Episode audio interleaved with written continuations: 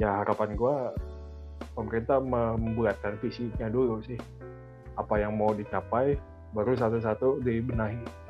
Eh tapi gue penasaran nih ya ini uh, apa cukup hal yang gue curious gitu ya. Karena kan gue kan pakai duit pakai duit. Saya kayak gue istilahnya membantu memfasilitasi penggunaan duit-duit aja kan ya. Gak pernah tahu kayak where the money comes from gitu loh.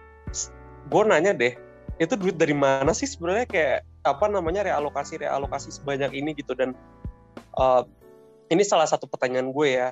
Uh, ketika misalnya nih ada orang-orang yang kayak protes ah lu mikirin ekonomi doang nih kayak gitu gitu kan. Sekarang kayak kayak pertanyaannya job loss tuh kan artinya kan orang apa namanya orang tuh jadi tanggungan negara kan. Itu kan jadi problem juga sebenarnya gitu loh. Kayak gue kadang-kadang the hell bingung juga gitu kayak orang yang apa sih namanya uh, nggak suka kayak ketika mungkin pemerintah ngomong kayak ya ekonomi perlu dipikirkan gitu loh istilahnya ya. Itu gue bingung banget gitu. Terus pertanyaannya kita disuruh ngutang, terus ngutang gimana bayar coba gitu. Itu kan kayak gue sebenarnya lagi nggak tahu saat ini tuh kita tuh penanganan COVID ini realokasinya gimana sih btw? Kayak uh, again tadi kalau ujung-ujungnya dibalikin ke arah tadi visi-visinya mau gimana, gue pasti ngelihat ya harganya berapa sih kayak buat nutup misalnya gue nurunin kasus nih harganya segini gitu. Terus itu emang bisa buat berapa lama gitu. Terus kayak kalau misalnya kayak gitu orang got their lesson atau enggak gitu sih. Karena kayak pada dasarnya kita bukan negara kayak yang istilahnya bisa buang-buang duit sebanyak itu gak sih gitu. Atau gue ternyata nggak tahu kalau negara kita cukup tajir buat ngebiayain lockdown gitu. Atau kayak sejenis ppkm or something yang uh, apa ya yang cukup uh, costly gitu. Itu gue penasaran sih karena gue belum pernah analisa dalam itu. Ah, kalau gimana mas tadi mas sumber kalau yeah. sumber duitnya dari mana? Nah, itu udah ada pohon ajaib namanya Bank Indonesia beli suatu utang pemerintah. Itu kan okay. artinya kayak ngeprint duit terus oh, nanti okay. uh, Ini negara cetak uang gitu lah intinya ya. Cetak uang itu satu. Uh, nanti paling dibuat ada undang-undang tertentu nanti setelah pandemi selesai nggak tahu kapan selesainya nggak tahu berapa berapa juta yang mati tanggap minim lah. Nah tapi istilahnya jadi nggak boleh jadi apa pemerintah nggak perlu nasin jadi BI yang tanggung. Tapi kan bentuknya rupiah ya jadi santai aja.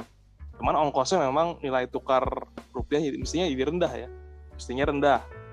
Asumsi penuhan asumsi kegiatan ekonomi normal tetap ada impor tetap ada tetap orang beli HP tetap orang beli baju tetap orang konsumsi seperti biasa.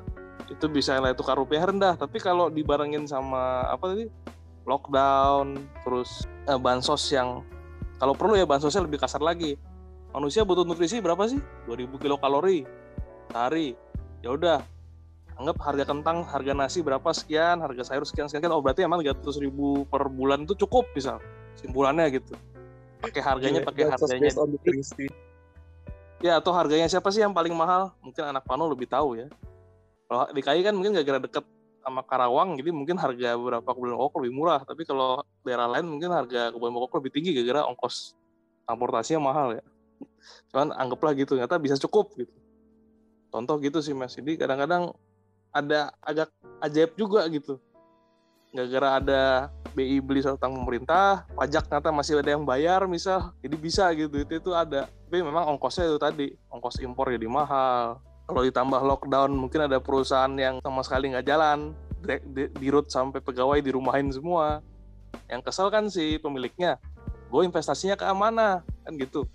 Kan kadang-kadang orang yang punya duit tuh pengen muter duitnya terus gitu. Atau kalau dia nggak pengen terus muter, si para pakar-pakar eh bukan pakar pekerja jasa keuangan tuh ayo invest ke sini ayo invest ke sini kan gitu ya. Teman-teman kita teman-teman kita yang kerja jasa, jasa keuangan anak-anak TI itu kan.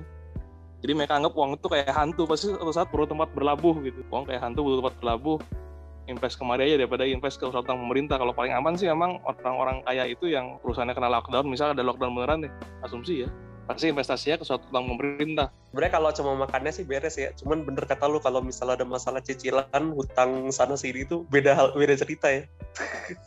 Kalau solusinya morat, itu solusinya udah masih moratorium. Udah dari udah. tanggal sekian sampai tanggal dianggap itu bukan bulan berjalan ya. uh, pemutihan BI checking. Bank. Pemutihan BI checking. Udah paling benar itu pemutihan BI checking. Atau penundaan kalau nggak bilang bilang pemutihan nah. penundaan berarti tunda bayar semua enam bulan ke depan gitu. Cuman ongkos misalnya ong, misalnya rumah sewa kalau ada yang di sini kan aturan sewa masih masih belum ada ya. Jadi kalau ada pipa rusak tanggung jawab yang kontrak kan, bukan tanggung jawab pemilik pemilik rumah yang menyewakan kan. Untungnya di sini masih apa longgar gitu. Jadi si siapa pe- pe- pemilik rumah yang menyewakan nggak nggak bisa dituntut gitu. Sebenarnya gitu sih. Kalau mau moratorium memang susah tuh, karena kadang-kadang aturan di daerahnya ada masalah sewa menyewa, masalah KPR gitu, bahkan bisa di daerah ya kadang-kadang nggak di mana, nggak di pusat lagi. Ya itu sih, gue dapat cerita dari tukang Mhm. pecel lele, ban pres produktif itu dia nggak dapat gitu ya. Satu, udah gitu cicilan yang Hmm. dijanjikan eh, ditunda gitu kan, ditunda waktu itu kan kalau nggak salah ada penundaan. Jadi kan gini gini, dia kan dapat restrukturisasi kredit nih si tukang pecel lele gitu ya. Restrukturisasi itu kan artinya penundaan bayar ya. Artinya utangnya itu masih ada gitu. Ditunda selama waktu itu selama berapa bulan kalau nggak salah sampai tahun ini. Dengan harapan ekonomi sudah jalan lagi. Jadi lo nggak usah bayar eh, utang. Waktu itu gue lupa masalah pokok dan bunganya. Tapi yang pasti ada penundaan bayar kredit. Nah nanti lo bisa ke- ketika usaha udah balik kan artinya lo udah punya duit lagi nanti dibayarnya ketika udah balik tapi ternyata ketika restrukturisasi dilakukan ah, ekonomi belum balik normal. Si, si ekonominya itu di, di tahun ini ternyata belum balik normal.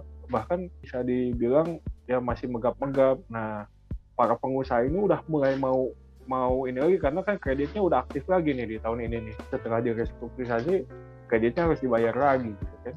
Nah, akhirnya pas aktif lagi, dia nggak bisa narik kreditnya karena kena BI checking kan ketika dia mau narik utang untuk mulai dagang lagi nih dia nggak bisa nih karena kena By checking karena- Hmm. karena restrukturisasi itu tidak menghilangkan kewajiban dia untuk membayar. Nah di, di sisi lain dia dikasih bantuan juga yang nggak bisa untuk membangkitkan eh, nggak bisa buat mulai usaha lagi tapi cuma bisa buat bayar hutang gitu. Ya Hmm. pada akhirnya dia kesulitan gitu, Mas. Ya solusinya gimana? Ya misalnya tadi mau nggak mau misalnya by checking diputihkan dulu lah gitu. Berapa bulan selama pandemi ini. Karena kalau misalnya dia tetap harus bayar utang untuk ngambil lagi susah gitu. Dia untuk bisa bangkit lagi. Sementara pemerintah juga nggak kasih bantuan modal kerja dia untuk bisa mulai lagi eh, usaha dia gitu ya. Akhirnya ada yang cerita ke gua ya ngambil ngambil pinjaman dari rentenir misalnya gitu ya. Karena ada harapan wah ini gue bisa bayar gitu ya ambil usaha dari rentenir ditutup lagi sama ppkm sama pemerintah. Ujung-ujungnya utangnya bertumpuk-tumpuk tuh. Udah utang sama rentenir utang ke bank yang kemarin direstrukturisasi belum dibayar juga. Gitu akhirnya timbul masalah lagi gitu di situ. Nah makanya ya harus paripurna di situ lah di bantuan ini. Yang gue bilang ya dengan dana dana tuh gede gede banget. Di tahun 2020 itu kan anggaran PCPN itu udah di atas 600 triliun gitu. Loh Hmm. Ya, dan sekarang itu 742 triliun dari mana dasarnya? Asalnya dari SB penerbitan SBN yang kata Gen tadi yang sebagiannya dibeli sama BI gitu ya artinya cetak uang untuk beli SBN duitnya udah ada gitu loh cuman sebenanggung yang gue bilang. Ya kalau misalnya kayak gitu udah anggap aja pelaku usaha ini udah nggak usah mikirin usahanya gitu loh yang penting gue bertahan hidup dulu gue usaha lu di stop permanen nggak boleh usaha dulu sampai tanggal tertentu lalu kreditnya dianggap lo nggak ada kredit gitu loh selama periode pandemi ini. Jadi ketika baru pemerintah ini akhirnya ngebuka misalnya itu new start gitu loh. Lo lo mulai Iya. lagi lo dikasih modal kerja untuk uh, go new start dan selama ditutup itu lo dikasih apa namanya kehidupan dulu. Sehingga lo nggak mikir-mikir harus bayar rentenir harus menggaji karyawan harus apa gitu. Iya. karena tanggungan pengusaha ini banyak juga gitu tuntutan banget coy.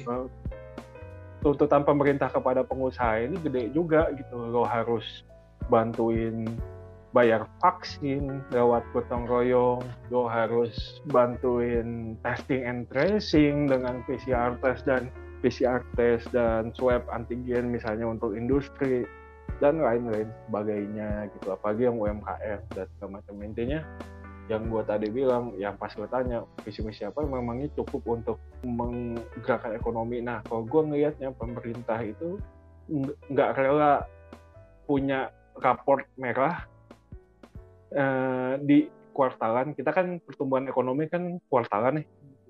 Nah Iya, iya, pemerintah iya. ini seakan-akan tidak tidak rela punya raport merah di kuartalan dengan pertumbuhan ekonomi yang lesu gitu ya yang kecil. Jadi ekonominya tuh dipacu terus gitu loh supaya dia raportnya bagus gitu. Padahal ya ya nggak apa-apa kita bersakit-sakit dahulu pertumbuhan ekonomi kita jeblok katakanlah misalnya minus sekian oh kita plus tujuh pun nggak terasa apa-apa gitu loh sekarang.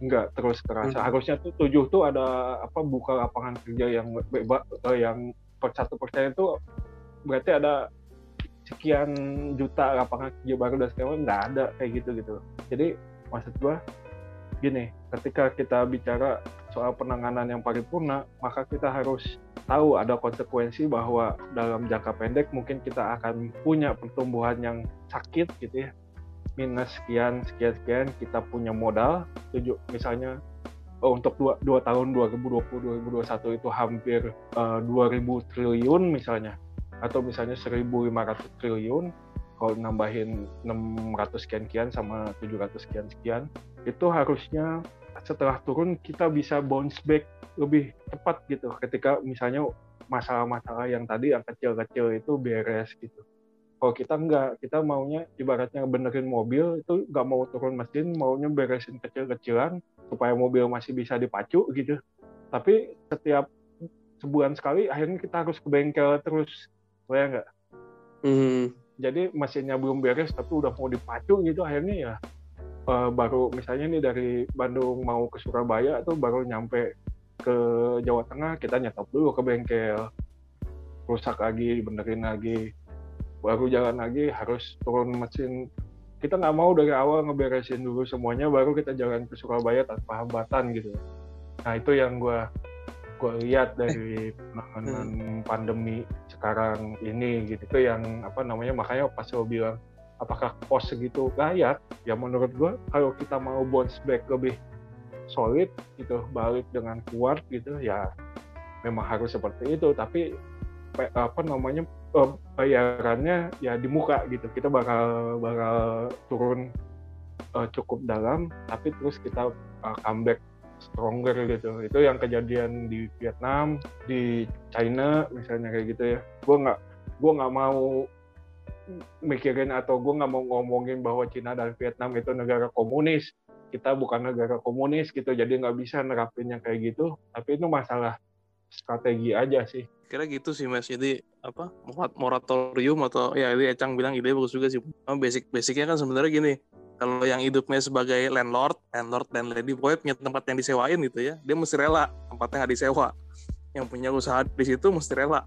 Dia mesti tutup usahanya mencari pegawainya segala macam. Cuman kan jaminannya Iya. tadi pegawainya bisa makan pakai duit pemerintah dia juga makan pakai duit pemerintah. Yang punya tempat makan pakai duit pemerintah entah kenapa nggak ada keengganan juga sih orang turun kelas gitu. Itu fenomena umum sih di tiap dunia kayak gitu. Iya iya iya. iya. lu mau nggak tetap hidup? Cuman nggak bisa gitu. Tapi nih lu kasih tapi kami kasih dari pemerintah nih sekian. Tapi lu lu nggak boleh lu di rumah aja gitu. Makan seadanya aja tapi ini cukup kok 2000 kalori per hari. Food rationing. kirimin nasi bungkus gen gitu. Ya apa selama sebulan hidup prihatin lah makan nasi pakai telur nggak apa-apa itu Iya, nggak harus makan bubur cap tiger misalnya. Si anjir bubur cap tiger lah. kan memang susah mengadakan hal kayak gitu ya karena kita nggak pernah ngalamin perang total kayak PD2 kayak orang Eropa gitu. Satu pertama itu kedua nggak kebayang memang logistiknya kayak apa. Anggap semua warga kayak prajurit kan jadinya karena semua dikasih makanan yang sama gitu. Di satu Hmm. wilayah itu.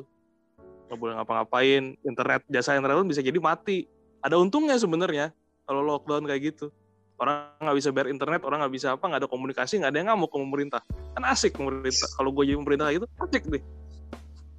Nggak ada yang protes. Skenario kesukaan Genadi. nggak ada mau protes keluar rumah dikit-dikit ditendang sama Hansip kan. Itu versi lebih lebih lebih galak tuh versinya gini. Jadi kalau gua mah versi prihatin lah gitu sama-sama prihatin. Lo makan dulu nasi pakai telur gitu cukup usaha lo nggak usah dipikirin dulu nanti lo baru mikirin kalau udah beres gitu Ah iya, gue juga mikirnya sama, Cak. Kalau yang bagian usaha ya udahlah, bangkrut bilang, bangkrut. Iya, gue gak bisa bayar. Lu juga butuh ada yang sewa kan? Gue gak bisa nyewa gitu.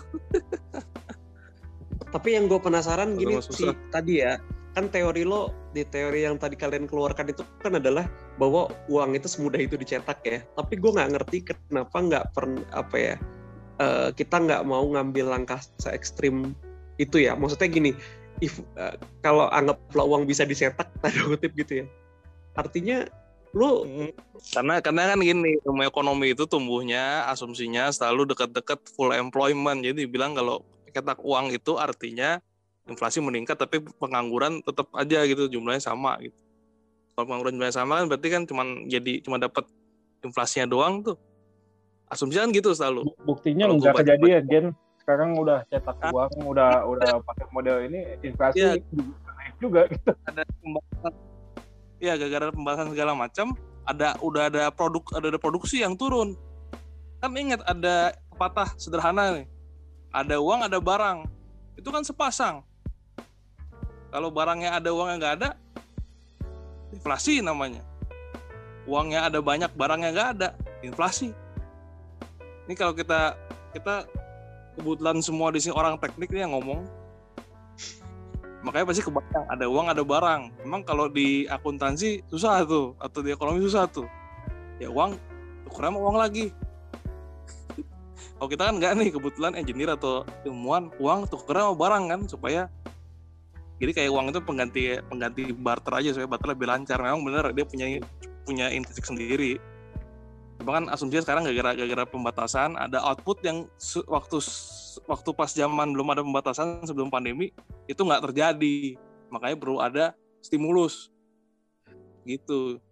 Jadi kalau bilang BI nggak nyetak uang pasti BI bilang nggak nyetak uang. Dia bilangnya apa? Burden sharing green shoe option bla bla emang kalau dipikir ulang dia dari mana duitnya BI rupiahnya. Kalau yang dolarnya iya dia itu mesti dia mesti dia punya pendapatan sendiri ya kalau cadangan devisa. Tapi kalau rupiahnya dari mana? Ya tinggal Peri Warjo tantangan jadilah uang sekian gua transfer ke pemerintah gua anggap dianggap beli bond gitu sih. Itu mes kira-kira mes cetak uang. Soalnya kalau kayak gitu kan sebenarnya skenario skenario yang lo masuki maksudnya kayak yang tadi ya yang eh, Echang propose I think it's ya sebenarnya harusnya bisa-bisa aja kejadian gitu loh.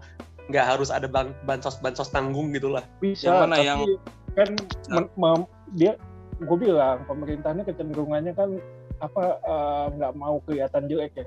Apalagi Sri Mulyani. Nggak mau pertumbuhan ekonominya tiba-tiba minus 10% gitu kan. Nggak mau dia pasti gitu kan. Nah se- sementara ide gue udah pasti itu kita bakal terjadi eh, kontraksi yang dahsyat sih menurut gue tapi dahsyat itu karena tidak ada kegiatan ekonomi gitu.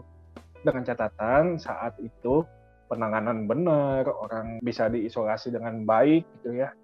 Sehingga cuman butuh waktu misalnya dua minggu atau misalnya tiga minggu setelah itu pabrik bisa bikin lagi. Misalnya selama tiga minggu itu pabrik-pabrik harus bikin apa misalnya? Bikin wilayah atau apa wilayah kerja yang aman covid misalnya gitu. Terus apa harus bikin apa apa apa, apa.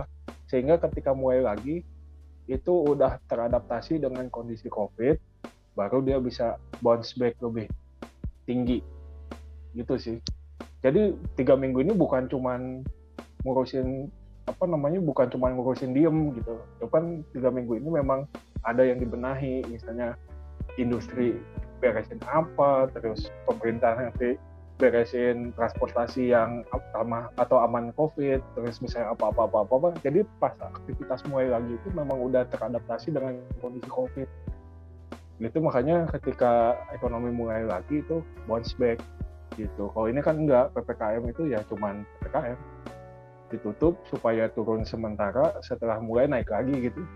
Karena selama itu nggak ada perbaikan di apa misalnya di transportasi atau misalnya di pabrik atau di mana itu nggak ada. Di perusahaan yang eh, aman covid itu nggak ada. Nggak ada sih meh. Kalau gue cuma mau jelasin ke memes lagi aja cuman susah ya ini cuma ini cuma tambahan nih mes ya mudah-mudahan bini lu denger tapi setelah sih kalau ini hak ekonom nggak mau denger gak apa-apa teori gue ini gue lagi Gua nih lagi mengklarifikasi juta orang gue kasih cash satu juta nih, gue penguasa nih, gue penguasa sekaligus panglima tertinggi. Tapi setiap orang gue kasih cash satu juta. Tapi semua orang nggak boleh keluar rumah. Inflasi nggak? Inflasi nggak? Nggak dong. Dagang pasar, jualan ke siapa? Kalau Oh, iya. semua orang dilarang keluar rumah, gitu aja. Harganya terus ada surveyor gitu dari BI BPS catat harga. Sama, karena semua hampir semua orang gue larang keluar rumah. Karena gue pentara larang keluar rumah gitu. Itu inflasi itu harus diingat bukan inflasi yang Milton Friedman yang bilang pertumbuhan jumlah uang. Ya benar itu definisinya Milton Friedman monetaris segala macam. Tapi kan inflasi yang kita oleh BI oleh siapa itu kan kenaikan harga barang. Itu pun IHK. Bener sih nanti IHK-nya cuma naik 3%, tapi yang kerasa di siapa sebagai perokok atau siapa sebagai apa yang kerasa naiknya tinggi gara-gara entah cukai atau gara-gara emang rokoknya naik tinggi misalnya. Kira-kira gitu. Jadi kayak alasan ekonomi untuk negara bubar, untuk eh, tadi apa mengatasi pandemi bla bla bullshit. Sebenarnya ini ya berani aja. Anda sebagai pemerintah kita eh, siapa? Dan nggak ada bohong ya. Pokoknya siapa jadi pemerintah gitu berani nggak ngasarin masyarakatnya sedikit, berani nggak ngasarin ekonominya, ngasarin apa bisnisnya sedikit gitu. Eh, gue pengen pokoknya lu shutdown, lu jalan full. Kalau perlu gue bantu. Nah, tapi lu shutdown full. Kalau lu nggak shutdown full, gue bunuh lu. Sebenarnya gitu kan sebenarnya. Gue punya senjata, gue tentara. Gue gaji Iya, terus. Udah gue cetak dari BI gitu. BI tinggal ini gue kalau BI nagih utang gue, gue tinggal bilang gue mau bayar. Apa? Gue pemerintah. Lu mau kudeta gue, entar setia setia sama gue gitu kan sebenarnya. Iya, jadi intinya Bisa setengah-setengah aja, setengah-setengah aja, gitu aja. Kalau nggak mau setengah-setengah bisa, bisa banget sebenarnya. Jadi pabrik shutdown, shutdown aja semuanya. Jangan ada esensial, non esensial apa. Ya, sekarang kan pabrik kopi disebut esensial. Apakah kopi itu kebutuhan esensial masyarakat? Gue juga jadi bingung. Gitu. gitu iya, iya. STRP kalau di Jakarta kerasa kali ya. Kalau di tempat lain belum. Nah. Penting itu kopi. Gue bingung. Apakah orang nggak minum kopi? Ya makanya gue bilang Rokok Orang juga tuh- produktif rokok. Esensial.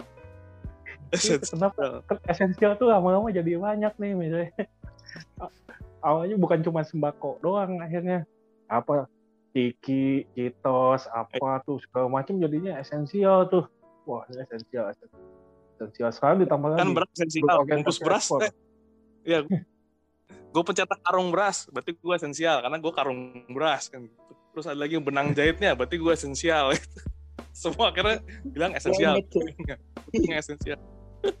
Jadi bullshit itu ada esensial non esensial agak ada yang non esensial yang namanya hidup mah semuanya merasa berguna.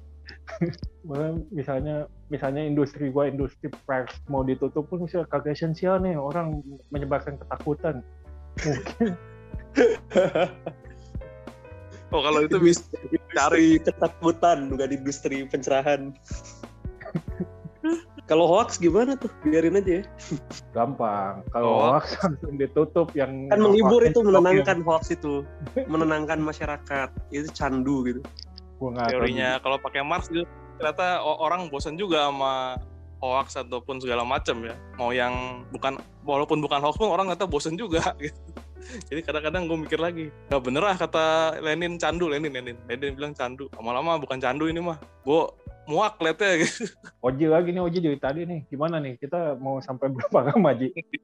Pas ini Jangan MC udah dua jam lebih. Ini gue udah bingung. Gimana merangkumnya ini nanti ya?